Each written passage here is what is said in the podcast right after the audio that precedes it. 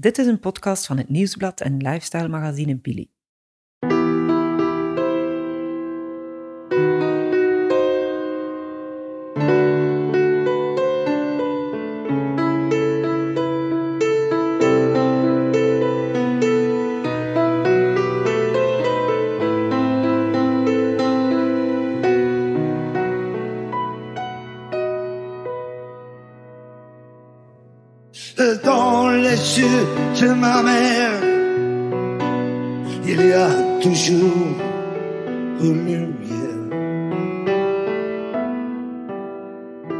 Ik ben Evie Hansen en in deze podcast ga ik in gesprek met mijn mama Arlette. Dan ga ik nu vechten eh, tegen kanker als ik er toch van moet sterven. Mama is 75 en heeft niet lang meer te leven. Goedemorgen, ik ben Annelies van het Nieuwsblad. Aangenaam. Wat een mooie zicht Wauw. Ja, dat is nog wel lief. Samen met journaliste Annelies Rutte praten we aan de keukentafel over ziek zijn, doodgaan, maar vooral over het leven. Dat zal even zijn. Hallo Evietje, kom binnen. Hallo. Hallo. Gezellig hier. Dit is aflevering 2 van de afscheidstournee van mijn moeder. Goedemorgen Arlette. Goedemorgen. Goedemorgen Evie. Goedemorgen. Arlette, vorige keer hebben we het over jouw ziekte gehad, het proces van ziek zijn en hoe jij dat beleeft. Ja, Vandaag zou ik het graag hebben over het leven dat jij hebt gehad. Het leven dat helaas bijna voorbij is. Hoe blik je daarop terug? Ben je blij met het leven dat er is geweest? Ik zal daarmee misschien beginnen. Heb jij een goed leven gehad? ik vind dat ik een heel goed leven heb gehad. Absoluut. Ik ben content met het leven dat ik heb gehad. Kun je ook zo meteen zeggen waarom?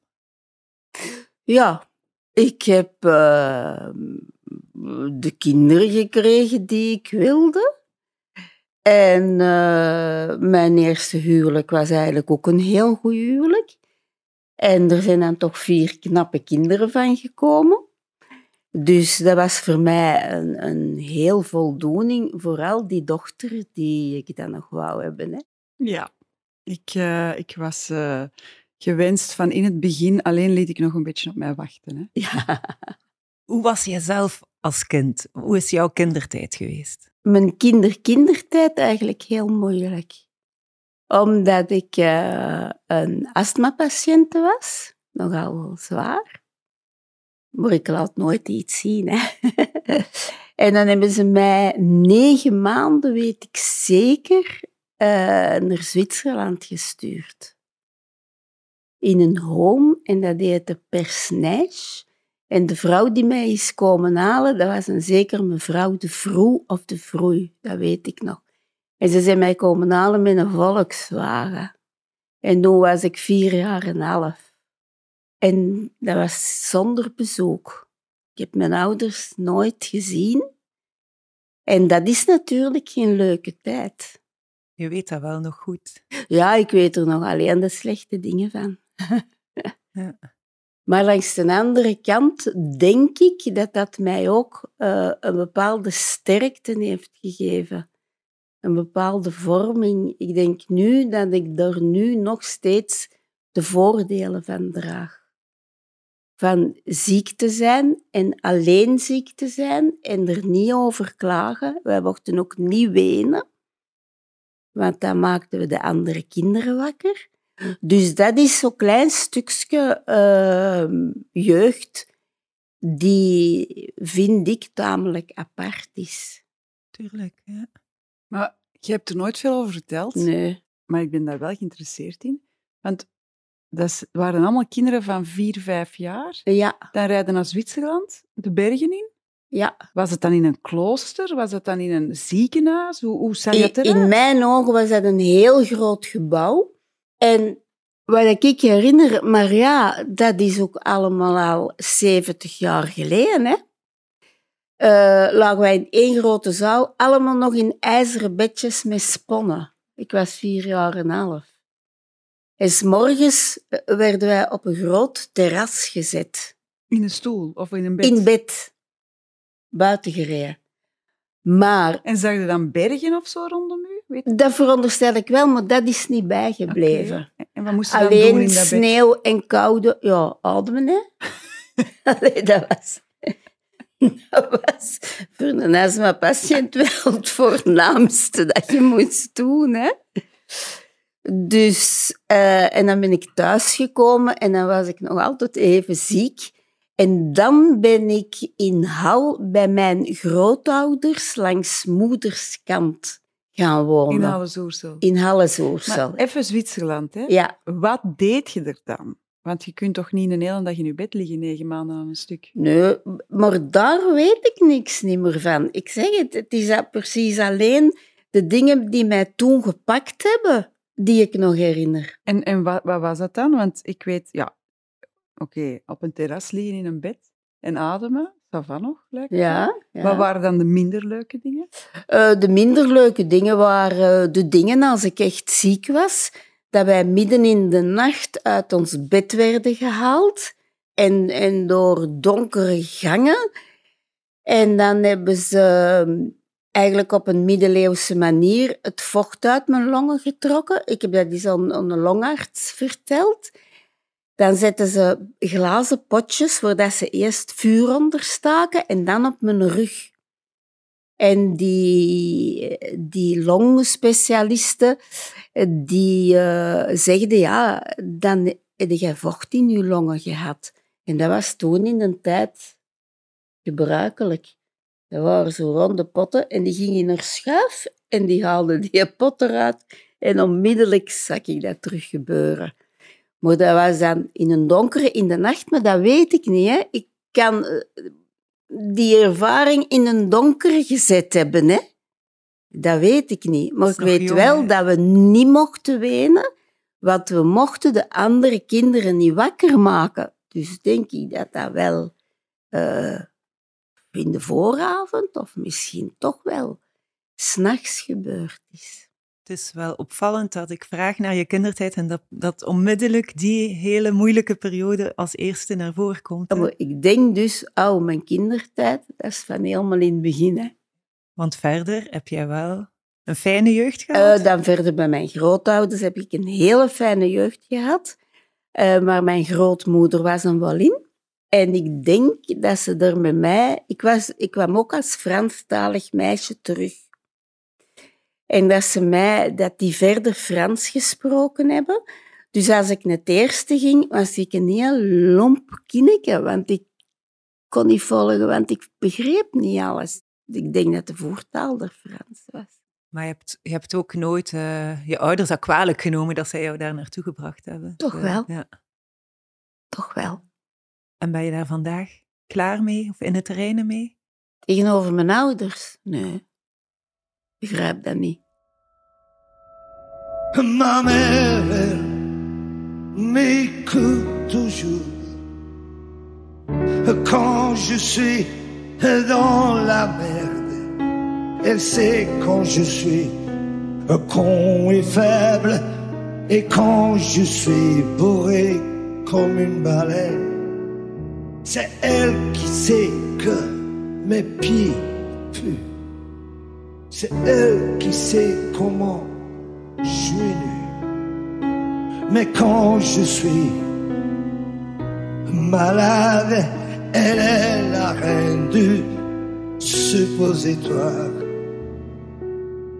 En dan is er natuurlijk het gevolg van die vroege kindertijd dat Davy dus nooit mee, nooit mee op kamp mocht. Hè. Het was de eerste keer dat hij op een ander kon slapen als de ponyklasse was. Ja, dat moest, hè, Op school, in derde in leerjaar. het derde leerjaar. En ik wou zo graag op kamp gaan. Dat mocht niet. En eh, toen had mijn mama gezegd, als je het fijn vindt op ponyklas, met vijf dagen naar eh, eh, de ijzer, allee, uh, Diksmuiden, dan, dan mag je misschien wel op kamp met de scouts. En, Ik ehm, denk dat je dan toch wel ja, op kamp. ja, Nee? ja, en toen Ah. was er geen houden meer aan. Hè. ja, Dan vond ik Dan dat, ben ik dat- zo opengebloeid op die kampen. Ehm, dat was dan op een grote vakantie. Vier kampen deed ik. Ja. Omdat ik gewoon... Ik vond dat zo leuk om op kamp te gaan. Om thuis weg te zijn. Ik denk dat dat voor mij wel was een, een eigen vorming, omdat uh, natuurlijk beschermde van mijn mama, maar ook die drie grote broers, waar dat je dan toch echt wel ja, onder staat. Of, oh, ja. en, en, en plots kwam ik op een kamp, ook met, uh, met de ziekenkas, was dat met allemaal kinderen die ik niet kende.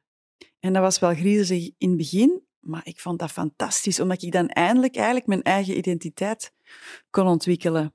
De, en ik had dan heel veel vrienden en zo. Maar dus je hebt wel geleerd dan om dat los te laten en vertrouwd te hebben van het gaat niet ja, overal zo zijn. Ja, dat heeft toch heel lang geduurd. Hè? Dat vind ik ook heel straf. Uh, trouwens, met uh, dank u wel, uh, staf. Want de staf heeft ons mama wel altijd echt moeten kalmeren en moeten bezighouden hè, als ik op kamp was. Maar wat dat ook wel dat was... was erg. En dat vind ik zo knap. Mijn mama miste mij ontzettend. En mijn mama heeft nooit tegen mij gezegd, ik mis u. Nooit. Omdat, en dat is een raad dat ik ook met mijn kinderen in het co-ouderschap heb geleerd. Mijn mama zei, ik wou niet u de verantwoordelijkheid geven dat ik u als persoon mis. Dus mama zei wel, oh, wat ben ik blij dat je terug bent. En wat ben ik blij dat je terug bent. En hoe was het? En dan was mijn kamer helemaal opgekuist. En dan was alles piekfijn in orde als ik terugkwam. Dus een heel warm welkom. Maar zij heeft nooit gezegd, ik mis u of ik heb u gemist, omdat je dan eigenlijk... Ja, een kind heeft daar niks aan, dat een ouder uh, het kind mist. En die, mensen verwarren vaak, ik mis u met ik hou van jou. Maar je kunt beter zeggen, ik hou van jou dan ik heb u gemist. Want dus het grappige is, mijn mama heeft mij de eerste tien jaar van mijn leven tegengehouden om op kamp te gaan.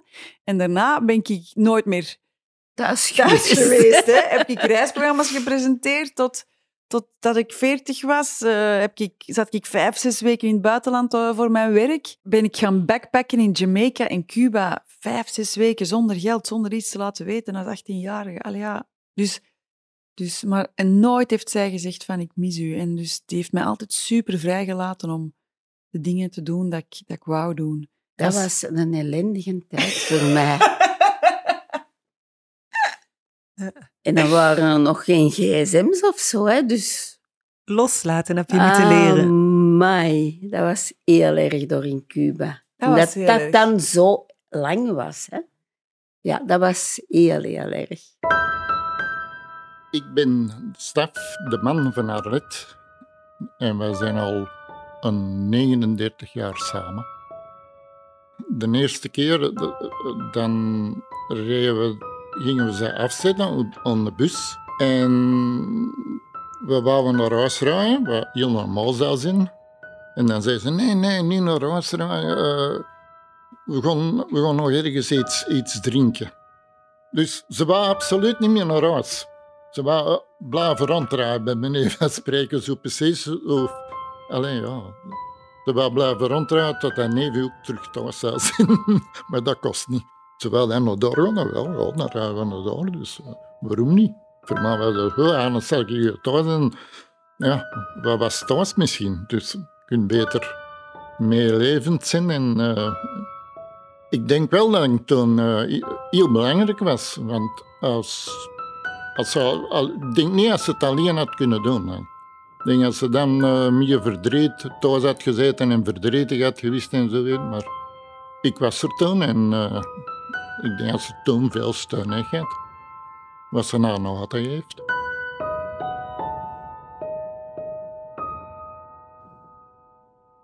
Je, je bent getrouwd de eerste keer als je nog vrij jong was? Uh, 22, denk ik. Ja. Dat moeten allemaal om een eerste man vragen. Die weten het allemaal nog. Ja, maar dat is ja. ook een mooi huwelijk, heb je daar net al gezegd. Ja, ja absoluut. Ja. En hoe lang ben je getrouwd geweest dan? 17 jaar. Dat is een beetje in elkaar overgegaan. Hoe dat je... Uh, je hebt de staf leren kennen toen dat je nog getrouwd was. Ja. Maar dat is ook een heel raar verhaal. dat is zo'n typisch jaren 70, begin jaren 80 verhaal. Dat uh, denk ik dat, dat, uh, dat de mensen wat gingen experimenteren of zo. Dat dat oké was als je nog een partner ernaast had. Ja, die twee mannen waren er heel, uh, heel flexibel in, hè? de Stav en de Jan. Hè? Want wij zijn nog eens met de Jan nog eens op vakantie gegaan met al de kinderen. Dat was een zalige vakantie en was geen, geen spanning of niks, hè, geen ruzie. Toen, dat je, toen, dat je, toen dat wij al dat, samen toen ik al staf. bij de staf woonde. Ja, ja mooi. Mooi verhaal op zich. Ja. Ja. Want dan kwamen we mensen tegen. En eh, van Schilde, denk ik. En eh, die zeiden dan... Och, zie de twaalf zegelen zijn niet uiteen.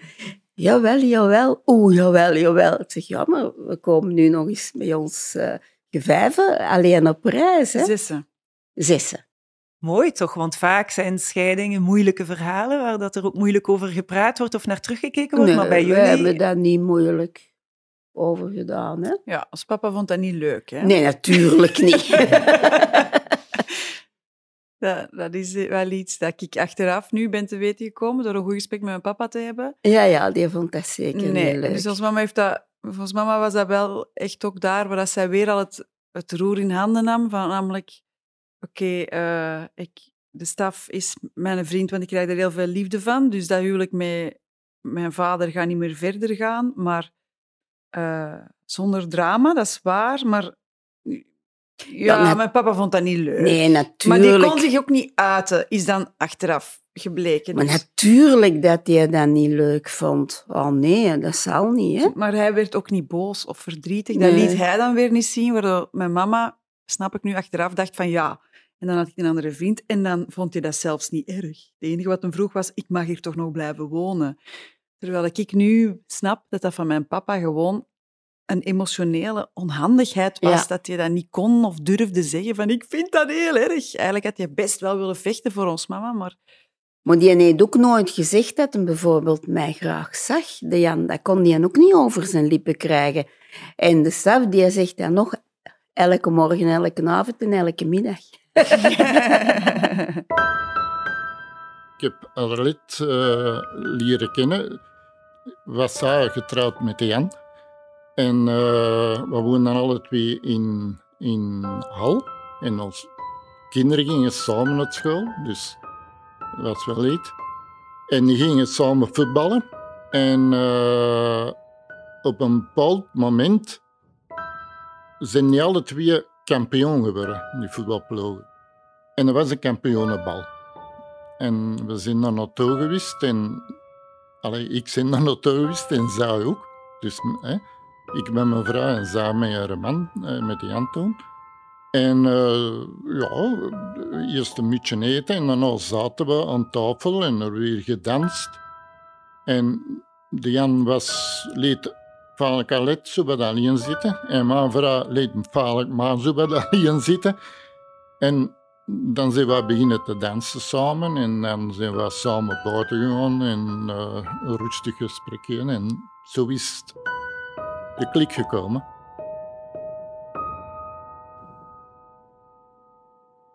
Dat was een hele fijne overgang ook. Ik heb dat ook nooit als iets traumatisch... eh, wel een verandering in mijn leven, maar ehm, ik merkte toen, dat was begin jaren tachtig, dat vooral ehm, de media, dus bijvoorbeeld begin jaren tachtig kwamen de scheidingen. En toen spraken ze heel vaak over die arme kinderen van gescheiden ouders en dat die dan de sleutel onder de mat vonden of zoiets. Of dat dat heel erg was, gescheiden ouders. En ik kreeg dat allemaal mee via de radio. En toen gingen mijn ouders elkaar. En toen dacht ik, ah nee, maar dan heb ik geen vader meer. Omdat ik dat had gehoord op de radio.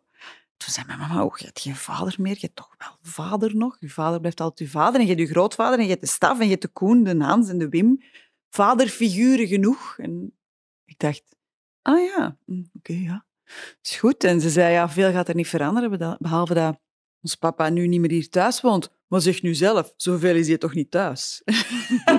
en dat was ook wel waar. Dat was geen een emotioneel betrokken papa. Dat was een hele lieve, maar... Of dat, die deed niks fout, maar dat, wa- dat was niet... Zie ik, ik, trok altijd heel erg naar ons mama. Dus ik weet nog heel goed, als de staf stiekem 's morgens op bezoek kwam, als ons papa ging werken, dan kwam de staf op bezoek, koffie drinken. de, de staf heeft ook weet niet hoe lang Jan mee in het stad genomen. Ook, ook. Dus eigenlijk ging dat allemaal vrij normaal en, en vrij... Er waren geen drama's. Dus ehm, misschien was dat voor mijn broers wel eh, anders, omdat die een beetje ouder waren en die zaten ook in de klas met de kinderen van de staf. En ik was wel het eerste of het tweede kind in heel de lagere school wiens ouders gescheiden waren. En dat was wel echt een ding. Mijn mama werd echt wel als een slechte gezien. En ik weet dat kinderen op de speelplaats kwamen vragen: En de staf, woont hij nu bij jullie? dat is niet iets dat kinderen vragen. Hè? Dat is dat de mama's en de papa's dat, dat dan willen weten. Hoe blik jij daarop terug? Denk je, of, of heb je daar een goed gevoel bij? Want we hebben dat eigenlijk allemaal op een mooie manier gedaan. Ja, ik heb er een heel goed gevoel bij. En er is nog meer, moest ik mijn leven herbeginnen. Tot nu toe zou ik niks anders doen. Ik zou terug kleuterleidster worden, ik zou terug met de Jan gaan, ik zou er terug die vier kinderen van krijgen, ik zou terug met de staf meegaan. En, allee, ja, ik vind dat... Ja, ik vind er eigenlijk niks erg aan. Dat is natuurlijk iets dat ik ging vragen hè, in deze aflevering. Het is een goed leven geweest, dat heb je al gezegd. Ja, ja. Heb je ergens spijt van? Dat kan ik niet zeggen. Nee. Is er niks dat je anders zou aanpakken met de wijsheid dat je nu weet? Uh, misschien, maar ik denk... Misschien dat ik Koen niet zo rap had laten gaan naar de psychiatrie. Hè? Maar die doet een zelfmoordpoging. Dat is mijn middelste broer. Ze komen die met een ambulance halen. Ze brengen die in het ziekenhuis en vanuit het ziekenhuis wordt onmiddellijk beslist van Koen gaat naar de psychiatrie. En dat is misschien het enige dat ik denk, wat zou er gebeurd zijn als die nooit in de psychiatrie was geweest? Want je hebt daar eigenlijk, vanaf dat uh, Koen, dus mijn jongste broer, had, uh, kwam tikkend, dus met een tik van school. Koen is vijf, zes jaar ouder, dus ik weet dat eigenlijk niet dan anders dan dat hij, dan dat hij was, hoe dat hij was.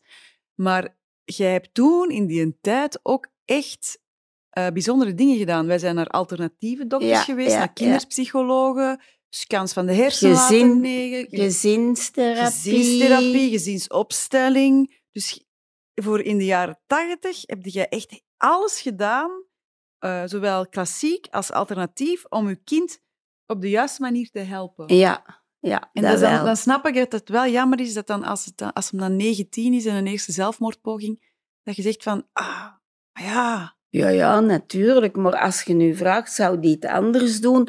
Maar ik zeg erbij, ik weet niet of dat het om Koen iets zou veranderen, want hij had, het is begonnen met Gilles de la Tourette, en dan sindsdien uh, neemt hij dan al calmants. En toen was die Gilles Tourette, dat verminderde dat, maar dat was Koen Koen niet meer, want hij miste zelf zijn Tourette.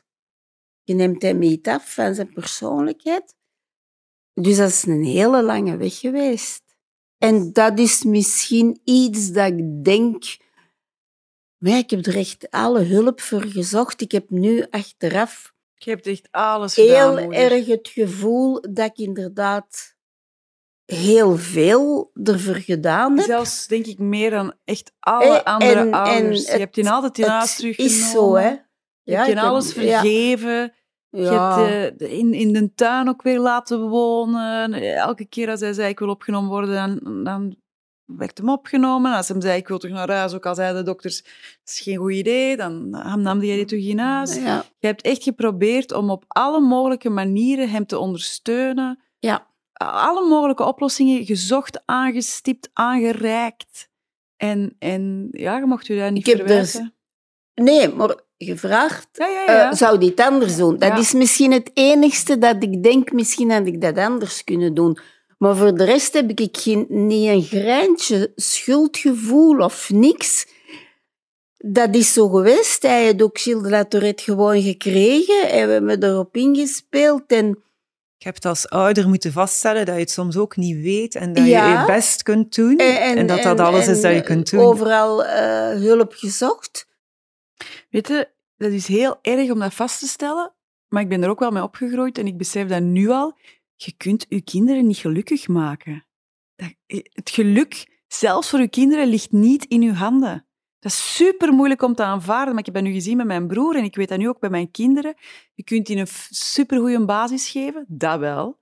Liefde, geduld, sociaal, als je kunt misschien financieel ondersteunen, maar het echte geluk Je kunt een ander niet gelukkig maken. En dat is denk ik een grote les ook, dat mijn mama, die dat zo van kinderen houdt, hè, die dat zo haar leven in teken staat van kinderen opvoeden, kinderen leren, kinderen grootbrengen, dat die die ene zoon niet gelukkig heeft kunnen maken. Dat zijn wijze woorden hè, van Evie. Je kunt je kind niet gelukkig een maken. wijze dame, hè, mijn dochter. L'amour, je trouve ça toujours dans les yeux de ma mère, dans les yeux de ma mère. Il y a toujours une lumière.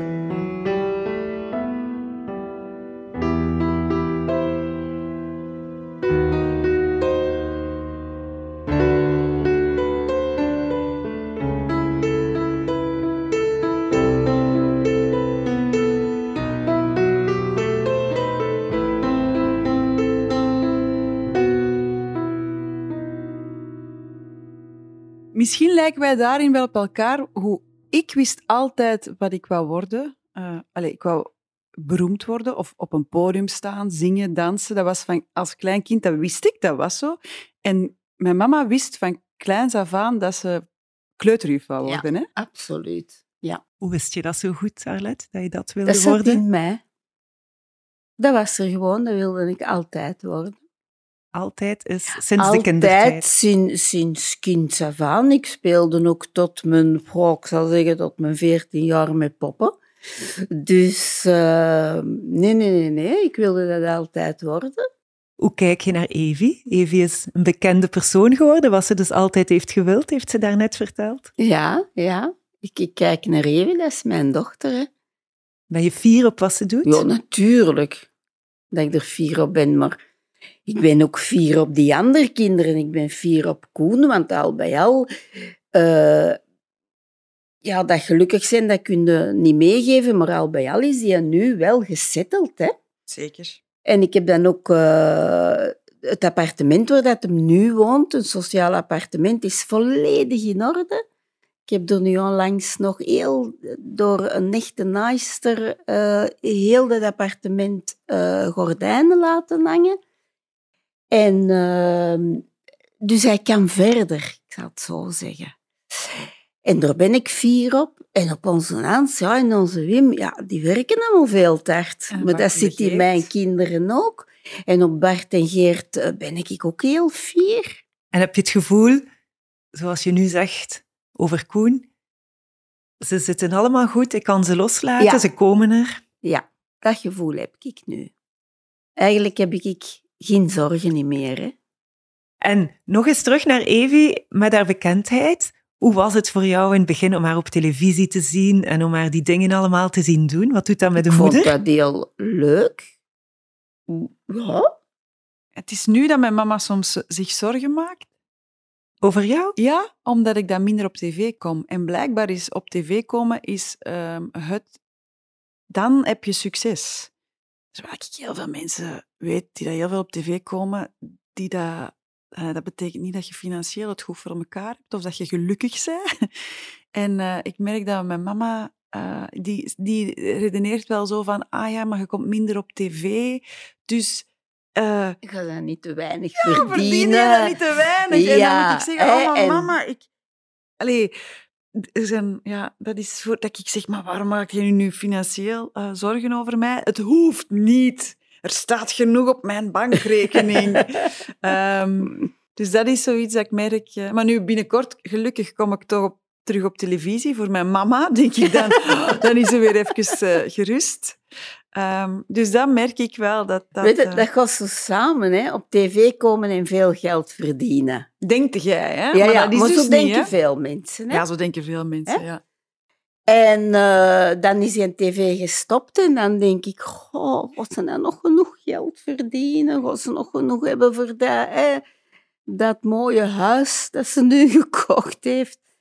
Hè, gaat ze dat wel kunnen aanhouden en zo? Dat zijn dan zo zorgen. Maar zij zegt, oh, geen zorgen maken, geen zorgen maken. Maar dan denk ik, even, ik mag toch nog wel met iets bezig zijn. Hè? Het zal altijd eigen zijn aan moeders dat ze zich zorgen Ja. zullen maken over hun kinderen. hè? Ja, ja, ja. Hoe kijk je naar je kleinkinderen en vooral de tijd waar dat ze in opgroeien? Ehm, ik kijk ook met heel veel liefde naar de kleinkinderen. Ik ben ook heel fier op de kleinkinderen. Maar er zit wel in mijn kop, oei oei oei, in welke tijd groeien ze op? In, in deze crisis, eh, drugs, drank. Daar maak ik mij ook wel zorgen over. Maar tegelijkertijd zeg ik dan aan de staf, och, zijn mijn alle kleinkinderen hebben goede ouders, dus het is eigenlijk mijn probleem niet meer. Maar je blijft er toch aan denken. Waar mijn mama dus minder problemen over maakt dan andere grootouders, overgrootouders, dat zijn dus de iPads. Hè? Mijn mama, die... Te veel is niet goed, maar jij zegt altijd... Ja, je moet met een tijd meegaan. Hè? Er moet een grens zijn. En bijvoorbeeld vind ik dat bij Jevi fantastisch dat de gsm's op, een, op de kast moeten liggen als we eten. Hey, vorige keer ik bij Jolle geweest ben, is dat echt wel zo We geweest. Hè? proberen dat, ja. Ja. Nee, maar mijn mama heeft nooit zo... Die heeft nooit gezegd, oeh, dat is slecht. Die heeft echt Nee, gezegd, ja. dat is toch iets fantastisch, hè? Zo'n iPad. En die spelletjes dat erop staan. En ze kunnen daar Frans op leren en wiskunde. En dat is een gemakkelijke babysit. Och, als die klein was, geeft ze even dan een iPad. Zo. ja, daar heb ik nooit grenzen in gezien. Dus nu komen mijn kinderen met hun fietsje naar hier. Heel tof. We gaan naar oma en opa op bezoek. Dan denk ik, ah, wauw, tof, toffe kinderen. En dan zitten die hier van 1 uur 's middags tot 6 uur 's middags met oma in de zetel op hun telefoon en op hun iPad. En oma zit dan zelf naar een podcast te luisteren. Opa kijkt tv, de koers, en de kinderen die zitten ah, op hun scherm en op hun Ja, telefoon. maar we kunnen er ook echt wel heel veel mee babbelen. Want Ja, als ja. ze dan blijven eten, dan is het ook... eh, dan moet dat weg, hè, die gsm. Hè. Hallo, ik ben Mak en ik ben 11 jaar. Hallo, ik ben Scout en ik ben eh 13. En wij zijn broers. We zijn ook de zonen van eh, Evi en de kleinzonen van Arlet Jacobs. En wij eh, noemen haar oma. Oma vindt het leuker dat wij er gewoon zijn bij haar thuis, dan dat wij echt iets, een gesprek voeren met haar. Maar nu, nu de laatste tijd probeer ik wel meer gesprekken met haar te voeren, omdat ik weet dat het niet meer zoveel gesprekken gaan zijn, later dan. Ik probeer gewoon zo min mogelijk op mijn gsm te zitten als, als ze er is. Wij chillen gewoon daar. Het is niet dat wij kijk, aso- als asociaal daar op onze iPad of zo zitten of op onze gsm. Hoeveel kleinkinderen heb je? Vijftien. Serieus? Ja. Tussen welke leeftijd? Tussen zes jaar en 27 jaar. En de uiterste, dat zijn halfzusjes. Want al de kinderen zijn aan een tweede relatie begonnen, wat ik ook eigenlijk nooit zo erg heb gevonden. En eh, dus onze Wim mee, kinderen van eh, zijn eerste vrouw en zijn tweede vrouw. En een Anze eh, eh, van zijn eerste vrouw en zijn tweede vrouw. Ik niet. Ik heb een hond gekocht met de kus. Maar alleen, er zijn toch ook twee er dochters, zijn twee bij dochters bij, gekomen. Die twee, dat zijn de enige eh, niet-bloedverwanten. Al de rest is nog van ons.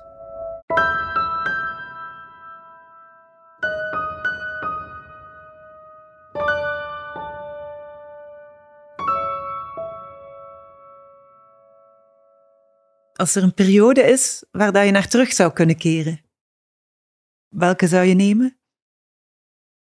Als met mijn geboorte. Ja. Ja, dat was natuurlijk een zalige dag, hè. Ja.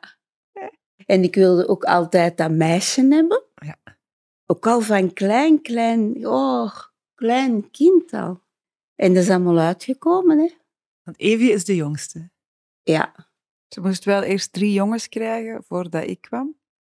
In een tijd dat, dat je dat nog niet wist. Hè. Je wist pas eh, Ja. wat, wat je kreeg als het er was. Waarom wilde je zo graag die dochter? Dat weet ik niet. Dat, dat zit er gewoon in. Je wilt graag een dochter, maar van waar dat, dat komt, dat weet ik niet. Dat, dat zit erin. Ik heb dat nog lang proberen tegen te houden.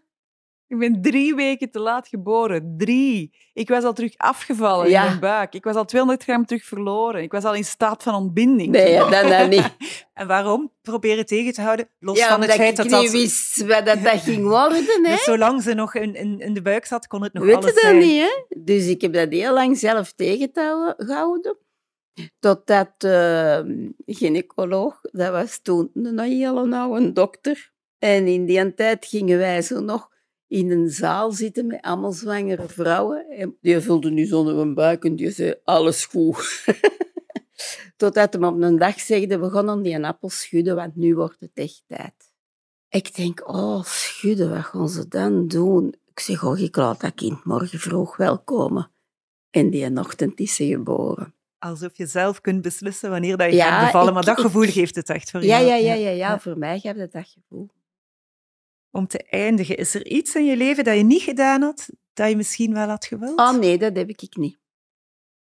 Nee, ik heb geen bucketlist. Eigenlijk nooit gehad. Natuurlijk, het feit dat ik zonder bucketlist leef, is ook het feit omdat ik ziek ben. Want anders hadden we nog eens graag in, in het zuiden van Frankrijk geraakt, of aan de Opaalkust, of misschien eens tot in Spanje. Maar dat is... Nee, dat is over. Dat kan ook niet. Dus daar moet ik me geen zorgen over maken eh, of dat ik dat nog zou willen. Hè. Fijn om te horen, want als je het dan hoort, zo iemand die zegt, nee, nee ik heb geen bucketlist, of nee, eh, we zijn allemaal zo doorvoed van het idee dat je zo meer en dat je dingen moet bereiken in je leven en dat je een bucketlist moet hebben en dat je dus verre reizen moet maken of je moet iets... Dus dat hoeft dus echt niet. En ik denk dat heel veel mensen veel contenter zouden zijn als ze dus het geluk niet zouden nastreven in verre reizen en, en in extreme dingen of zo. Maar dat, ah ja. Dus ik, ik vind dat heel inspirerend als mijn mama dat zegt. En ik probeer er ook wel een beetje Ja. Na- naar te leven. Maar ik moet niet zagen, want ik heb heel veel gereisd en ik heb een schoon huis. En Is er iets dat niemand weet over jou en dat je toch wilt Ik vertellen? draag veel geheimen met mij mee. Ook geheimen van andere mensen. En dat hoop ik dat ik nooit in die staat zal zijn dat ik dingen ga vertellen dat ik het zelf niet meer weet. Maar ik heb heel veel geheimen in mij, vooral veel van andere mensen. En ook van jezelf? Denk het wel. Zijn er dingen dat je zegt, dat moeten mijn kinderen nog weten voordat Nee, dat de die dag moeten komt? niks niet meer weten. ja, ik zou nog heel graag wel dingen van u willen weten. Ja, maar ik, ik heb al gezegd, ik zeg wat ik wil zeggen. En, en ik mag toch ook nog mee iets in mijn graf nemen, hè? Zeker, maar ik geloof dan weer, ik geloof dan weer dat juist dat als jij bepaalde dingen zou vertellen die dat jij hebt meegemaakt, dat jij nu niet zegt omdat jij eigenlijk je kinderen niet wilt kwetsen, dat die wel doorwerken op mij en op mijn broers. Dus Ja, nee, wat ik niet wil zeggen, zeg ik niet, hè? Dans les yeux de ma mère, il y a toujours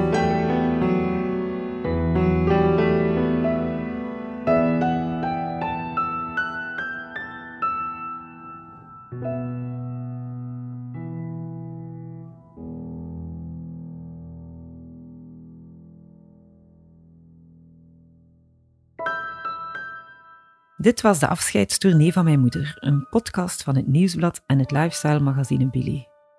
De stemmen die u hoorde waren die van Arlette Jacobs, Evie Hansen en mijzelf, Annelies Rutten.